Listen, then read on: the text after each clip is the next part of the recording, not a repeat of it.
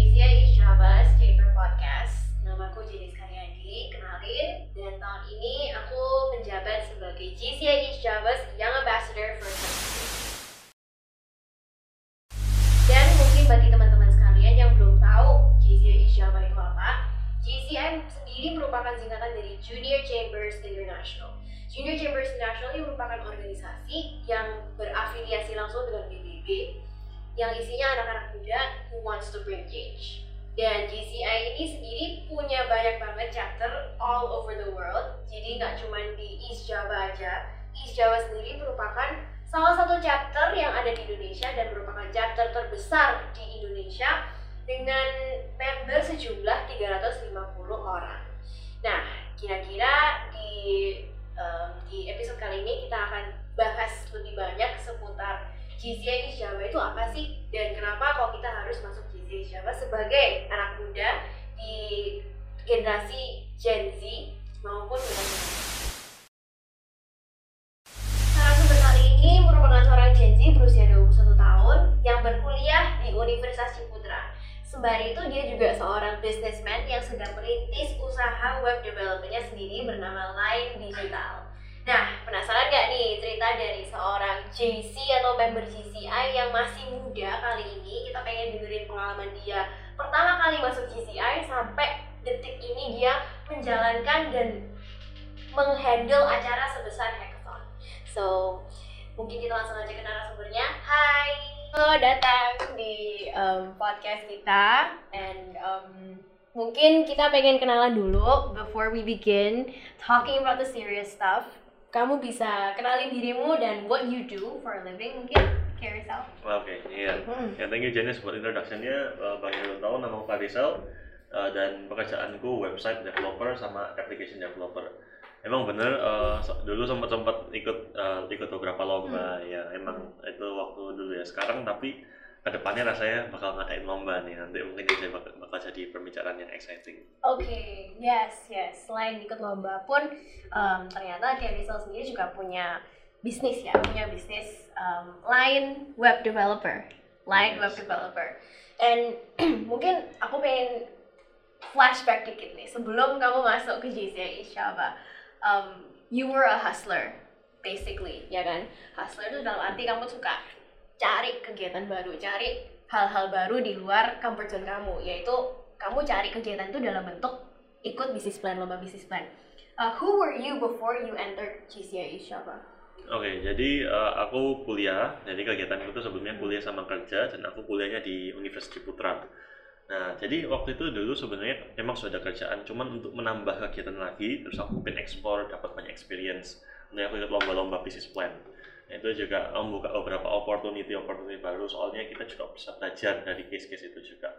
Jadi ya, kurang lebihnya kalau sebelumnya sebelum aku masuk GCI itu aku mahasiswa yang bekerja uh, dan suka ikut lomba. Kurang lebihnya itu sih.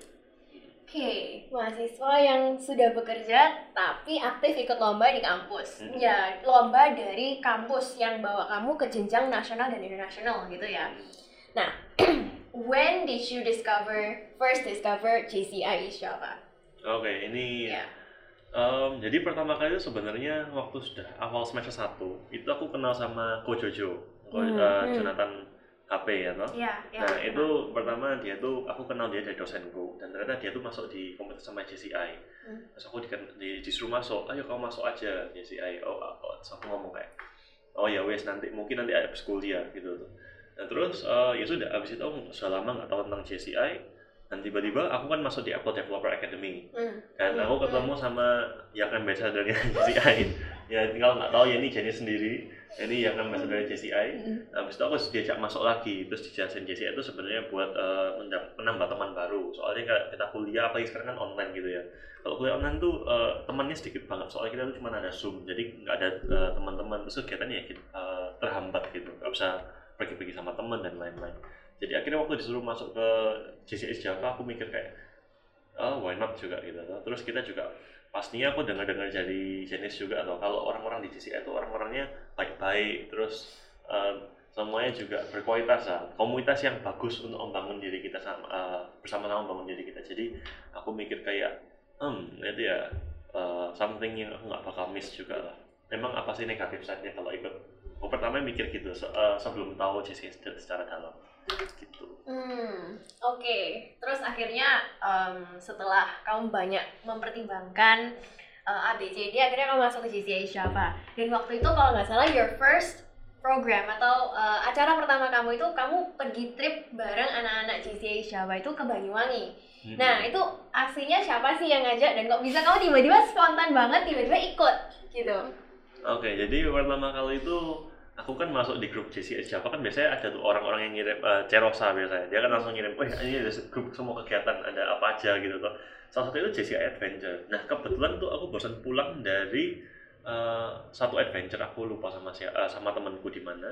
Nah, habis itu kayak aku barusan adventure terus kayak masih jiwa-jiwa adventure naik. Hmm, hmm. Oke lah, aku masuk ke grup adventure, apa nothing tulus, masuk-masuk aja orang kan eh, something to find out gitu tuh. Akhirnya aku masuk-masuk. Terus habis itu pas habis masuk langsung diajak sama Cerosa, eh ayo kita mau ke Banyuwangi nih, ayo ikut toh. Oh tanggal berapa? Tanggal 7 Oh saya aku masih di Malang sih tanggal 7-nya, nanti baru pulang malamnya. Oh nggak apa-apa, kita baru berangkat subuh kok. subuh maksudnya malamnya jam 12. Jadi kayak nggak ada alasan buat aku nggak ikut gitu. Semua alasan tuh sudah dikasih solusinya sama Cerosa. Jadi Cerosa kayak maksa, eh, bukan maksa ya, benar-benar mendorong saya untuk ikut gitu. Padahal memang Hmm, baru ya nggak kenal siapa-siapa gitu ya sudah. Akhirnya eh, terus aku juga waktu itu dikasih tau Jenis, ya wes ikut toh, ayo ikut toh. Emang emang apa oleh kayak ikut gitu ya wes. Ya, Oke lah ikut. Akhirnya karena Cerosa dan jadi Jenis, saya ikut eh, Banyuwangi. Dengan itu eh, benar-benar no expectation. Ya wes purely aku kepingin eh, traveling bareng teman-teman baru dan itu Hmm. strangers loh. Biasanya kan Hmm. gini kalau traveling sama orang yang nggak dikenal itu pasti banyak banget yang eh, kita takutin waduh nanti aku nih paling muda terus nanti aku ngomong sama siapa terus Hmm, pembicaraanku bisa nyambung atau enggak. Tapi waktu itu di, itu aku nggak mikir sama sekali kayak ah wes gak usah mikir pokoknya ikut sih terus beli Hmm, tiket hmm. tiket kereta pokoknya langsung pokoknya ikut sih aja jadi kayak masalah yang lain-lain nggak usah dipikirin. Hmm. jadi ya langsung jalanin aja Eh, nggak pakai banyak mikir pokoknya nggak usah mikir A B C D E F G nggak usah langsung aja ikut pokoknya aku mikir kayak oh nanti aku naik gunung Ijen gitu ya Oke. sudah Ha-ha, Iya iya iya. gitu. Jadi yang difokusin tuh kayak the fun, the adventure, the itinerary gitu ya. Kayak ngapain aja nanti ini aku fokus aku mau enjoy gitu Iya, ya. betul. Eh, Em, mungkin ini sesuatu yang belum tentu semua orang bisa lakukan, terutama uh, as a new person, as a newcomer, pasti ikutnya acara-acara yang mungkin gak sampai lima hari kayak kamu waktu itu. Itu cukup cukup bold sih menurutku, cukup berani ya untuk seorang Carousel yang extrovert dan oh, you're an extrovert right? You're an extrovert. eh, ambivert ya tapi tengah-tengah right? Introvert. Tapi ujung-ujungnya you made it anyways. Dan selama lima hari itu kamu juga belajar mengenal satu sama lain sama it's a tight circle kan yang waktu itu. Yes. Berapa berapa orang ya waktu itu ya? totalnya kalau ini cuman satu dua tiga empat eh, enam Cuma enam orang ya. Jadi nggak nggak banyak sampai Hmm. rombongan Iya. 20 orang kayak company visit pada umumnya Hmm. gitu. Jadi ya good for you, good for you, right? Good for you. Terus kamu dapat apa aja dari sana dan apa aja sih yang sebenarnya kamu lakuin sama orang-orang GCI? That was your first encounter kan, ibaratnya sama Betul, GCI betul. East Java. Yes. First impressionmu itu apa sih? oke eh, Hmm. first impression gue tuh satu sih orangnya tuh semua positif 100 200 200 persen gitu jadi kayak Oke. Hmm. kayak traveling bareng itu kan sebenarnya uh, something new ya. Jadi kayak Hmm. apalagi sama orang-orang itu kita tuh nggak pernah kayak satu detik pun itu kayak ada negatif vibe. Itu yang aku dapetin first uh, on, the get go gitu. Jadi langsung kayak oke hmm. orang-orang ini positif terus. Nggak pernah negatif sama sekali. Meskipun waktu itu kita sampai ada beberapa inconvenient jadi misalnya kayak nggak dapat grab nggak dapat gojek akhirnya kita harus jalan dari stasiun ke rumah. Hmm. itu kan cukup jauh. Tapi kita semua ketawa-ketawa terus positif vibe terus non-stop. Kayak kita ketawa-ketawa terus jadi terus orang-orang itu welcoming banget. Orang-orang Hmm, welcoming hmm. orang-orang yang baik.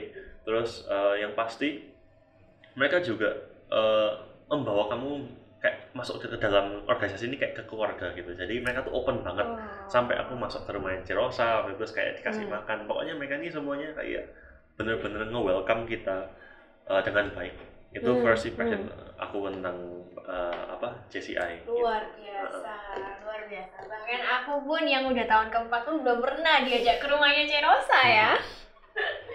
Dan eh, waktu itu kan ada ibaratnya ada EVP Rosa ya. Kalau teman-teman mungkin belum tahu EVP EVP itu adalah eh, Executive Vi- Vice President eh, salah satu pengurus yang udah lama lah pokoknya di GCI Rosa sama Koriki Bastian ya Hmm. kalau nggak salah ya uh, what did you get dari mereka? Apa yang kamu pelajari dari mereka? Kan itu lama banget ya lima hari ya, harusnya intens banget nih ngobrol sama bondingnya. Apakah ada mungkin silver lining atau pelajaran-pelajaran hidup yang kamu dapat dari mereka langsung? Considering the fact that you're young and ya we're both young kan kita sama-sama Gen Z gitu loh. Jadi otomatis kita perlu dong belajar dari yang lebih lebih bukan senior ya, yang lebih berpengalaman dari kita. Yes, oke. Nah itu juga salah satu yang uh, penting banget mindset gue itu. Jadi waktu aku datang itu aku nggak kepingin kayak jadi orang yang uh, anggapannya aku paham kalau orang-orang ini kan mungkin sibuk dan berbisnis dan mereka tuh liburan untuk have fun gitu. Jadi nggak Hmm, mungkin kayak hmm, aku hmm, terus hmm. waktu liburan itu tanya terus gimana kok apa ada gini terus kayak ada saran nggak untuk bisnisku nggak. Jadi kayak Hmm. awalnya tuh purely kita tuh nggak ada yang ngomong bisnis sama sekali. Meskipun pasti aku yakin semua orang ada uh, kesibukannya masing-masing dan bisnis bisnisnya masing-masing. Hmm, hmm. Tapi aku sama sekali nggak pernah ngomongin kerjaan kerjaanku, aku nggak pernah tanya kerjaannya orang lain juga. Hmm. Nah tapi eh, di hari terakhir itu, abis kita kan pokoknya purely have fun. Jadi kita tuh ke Banyuwangi, ke Ijen, ke mana, ya tuh ngomong-ngomongin ya, ngomong-ngomongin tentang adventure kita. Oh nanti Hmm, makan di mana, hmm, adventure-nya gimana. Oh iya tuh ini tempatnya lumayan enak gitu. Jadi kita tuh purely membicarakan eh, in the moment gitu. Oke. Bener-bener live in the moment. Nah tapi di hari terakhir itu ada kesempatan waktu itu Koriki lagi berceramah gitu. Awalnya Oke. Heeh, jadi kalau Ricky itu sebenarnya aku kan ada kesempatan untuk ngomong sama PLP Ricky dan abis kita traveling bareng itu tentunya kita jadi lebih dekat lah ya kita Hmm. eh, waktu itu di Ijen dan waktu itu aku beruntung untuk bisa mendapatkan sedikit wisdom dari Ko Ricky. Oke. Nah, jadi ternyata aku nih sama ini kalau kerja itu purely aku tuh eh, memiliki mindset yang salah untuk Hmm. bekerja. Hmm. Tapi di situ tuh Ko Ricky bisa membenarkan, oh sebenarnya kamu tuh nggak boleh kerjamu kayak gini tuh untuk Kalau purely boleh sharing mindsetnya gimana? Wah, yang dulu. agak, agak sensitif sedikit, cuman aku bisa sharing sedikit lah. Hmm, hmm, hmm. aku tuh egois aku kepingin semua itu untuk diriku aku kerja Hmm. keras aku begadang aku Hmm. uh, all out gitu itu Hmm, untuk hmm. diriku sendiri. Aku egois gitu. Nah tetapi kalau Ricky bilang itu itu nggak bisa kayak gitu. Kamu kayak gitu nggak akan pernah puas. Kamu nggak akan pernah mendapatkan satisfa- satisfaction. Nggak bakal pernah mendapatkan fulfillment. Kamu tuh nggak bakal pernah merasa enough gitu. Kalau misalnya kamu bekerja kayak gitu akhirnya aku dijelasin panjang lebar tentang mindsetnya kita. Sebenarnya kalau kita tuh bekerja tuh gimana sih? Terus Hmm. kayak mindsetnya tuh kok nggak boleh kayak gitu tuh kenapa dari situ tuh aku bener-bener diubah sampai yang bener-bener aku ngerasa eh, waktu pulang itu oh ternyata aku nih kerjanya tuh nggak bisa kayak gini. Dan emang itu ternyata bener. Akhirnya aku tuh habis pulang tuh kayak lebih damai gitu. Apa agak ini sedikit gimana gitu tapi emang ini beneran. Jadi kayak em, bekerja aku tuh mindsetnya sudah berubah 180 derajat habis Oriki bener-bener mengubah Hmm, mindsetku untuk hmm. bekerja yang awalnya egois tetapi akhirnya bekerja tuh bukan untuk diri kita sendiri. Singkat ceritanya sih gitu Um, karena aku sendiri juga kenal sama Ko Ricky ya, jadi aku tahu memang uh, PLP Ricky itu orangnya suka invest in people, invest in um, Gen Z atau anak-anak muda kayak kita. Jadi itu ya sesuatu yang luar biasa. I'm happy to hear that gitu loh. Pas um, waktu itu juga Ko Ricky sempat sharing ke ke Chinese kan. Um, in life itu kamu yang ngejarnya ngejar meaning and value. Yang lainnya itu pasti follow kok kamu ngejar itu. Itu sih aku kayak itu yang aku sampai sekarang juga pegang gitu loh. Dan itu memang penting banget karena gimana gimana kita mau kerja semuanya apa pun kita mau um, mencari uang sebanyak apa pun kalau kita sendiri nggak punya value dan meaning itu semua akan meaningless. Itu yang aku tangkap. Dan I'm really glad that you got that from the Banyuwangi trip from Koriki oh kebetulan juga dia ikut ya. Bagi teman-teman yang belum tahu, PLP merupakan singkatan dari Past Local President dan uh, culture-nya di JCI, JCI secara keseluruhan um, di sini setiap orang yang jadi yang menjabat sebagai seorang local president itu diberikan waktu satu tahun untuk memimpin. Jadi setiap tahun pemimpin dari JCI Java local president atau LP pasti ganti dan um, karena PLP Ricky pun sekarang saat ini sudah tidak menjabat culture yang ada di JCI pun tetap ia jalankan. Mandat yang ia dapatkan sebagai past local president tetap ia jalankan sampai detik ini pun. Dan ya itu itu kelihatan gitu loh. Sampai hari ini ngefeknya seberapa besar. Karena eh, gimana juga kalau kita sudah tidak menjabat sebagai seorang pemimpin atau title satu title bukan berarti kita berhenti untuk memimpin secara dari belakang. Itu sih. Itu sih yang em, mungkin saat ini em, PLP Riki ajarkan ke kita kita semua anak-anak muda ini Nah, oke mungkin lanjut sedikit ya.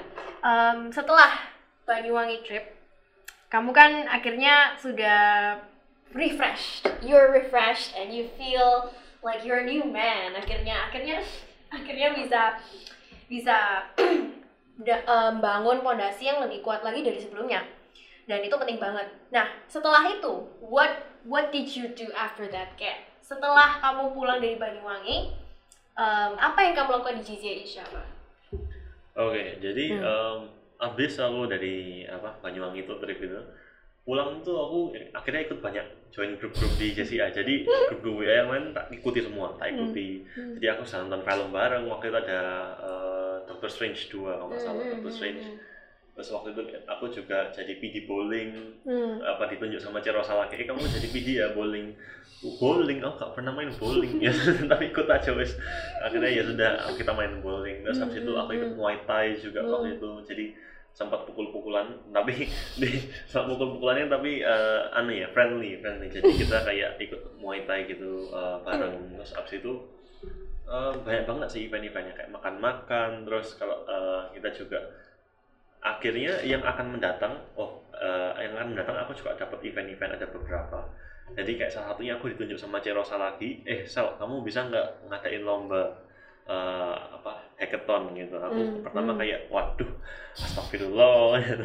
soalnya kok kayak kok rasanya berat banget gitu loh kalau misalnya ngadain lomba apalagi aku kan sekarang lagi sibuk-sibuknya gitu ya Hackathon itu apa sih? Mungkin kamu bisa jelasin. Oke, sedikit? jadi Hmm. hackathon ini adalah lomba yang eh hackathon itu lomba yang continuous. Jadi Hmm. 24 jam lebih dan mereka tuh harus stay di tempat itu. Hmm. Jadi mereka akan diberikan suatu case dan mereka akan menyelesaikan suatu masalah dalam tim. Jadi nanti kita ini ada 100 partisipan, satu kelompok lima orang, berarti totalnya ada 20 tim. Dan Hmm. mereka akan dikelompok, di, dikumpulkan satu hall besar, kita berikan mereka satu masalah, dan Wow. mereka akan bekerja sama 60 jam non-stop. Kayak startup berarti ya? Yes. Mirip-mirip drama startup. Oke, wow, dipercaya untuk menghandle acara sebesar itu kamu. Um, ya, Were- Are you alone? Pasti kayak ada tim juga kan di sana Yes, ya? eh, itu berkat dari Cerosa juga. Jadi Cerosa dan eh, LP Go Go Philip juga Hmm. sangat support banget. Itu penting banget sih. Jadi kita sudah diberikan tim, kita sudah diberikan fasilitas. Apalagi Harry, eh Ko Harry sama Celita itu juga Hmm. sudah Hmm. eh, full support kita all up dan jadi nanti event ini pasti akan eh, akan seru banget nih. Aku nggak sabar. Oke, wow. Em, ternyata selain kamu dipercaya untuk handle acara sebesar itu, kamu juga dikasih support dalam bentuk ya tim, tim yang memang all out dan punya ambisi juga sama-sama mau menggerakkan event ini. Oke. Jadi eh, waktu kamu masuk GCI sebagai seorang member, kamu dapat support banyak banget ya. Apalagi kalau kamu handle acara segede itu dalam bentuk tim, dalam bentuk um, resources, dalam bentuk sponsor bahkan. Nah, em, kira-kira apa sih yang jadi takeaway kamu selama kamu empat bulan masuk di GCI Asia? Oke, jadi masuk di GCI Japan ini tentunya kita kalau uh, orang-orang kan biasanya bekerja itu ada rasa jenuhnya, terus Hmm. mereka tuh kadang-kadang merasa alone. Tapi di, di JCI ini aku dapat semuanya, aku udah bisa have fun bareng teman baru, kita bisa adventure bareng dan itu sangat-sangat uh, membuat hidupku lebih berwarna. Oke. Nah, dan jadi kalau di JCI ini Kuriki sendiri ngomong ada tiga hal. Kita bisa give back itu dalam tiga hal. Jadi kan kita nggak mungkin harus take take take semua, dapat ilmu, dapat teman, tapi kita juga harus uh, give back gitu Hmm. dan give back kata kuliah itu ada tiga hal kita bisa kasih money time atau effort Hmm.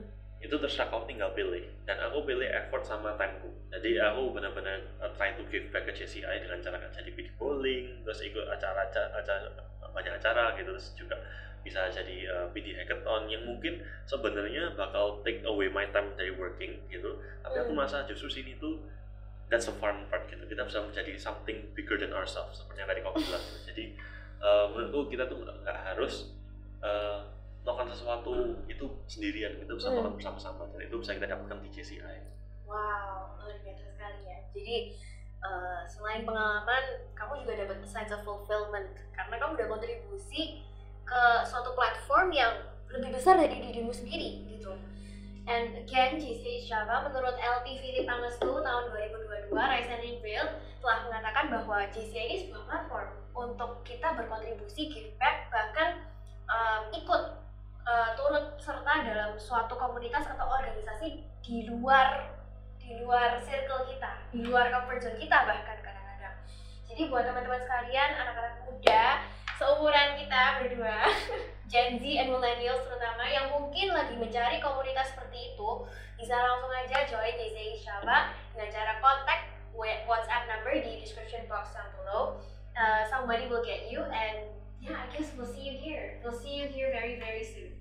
And mungkin sekian dulu dari kita berdua. Uh, Janice dan Karisal mau tutup this podcast with um, by saying TCA Java, rise and rebuild.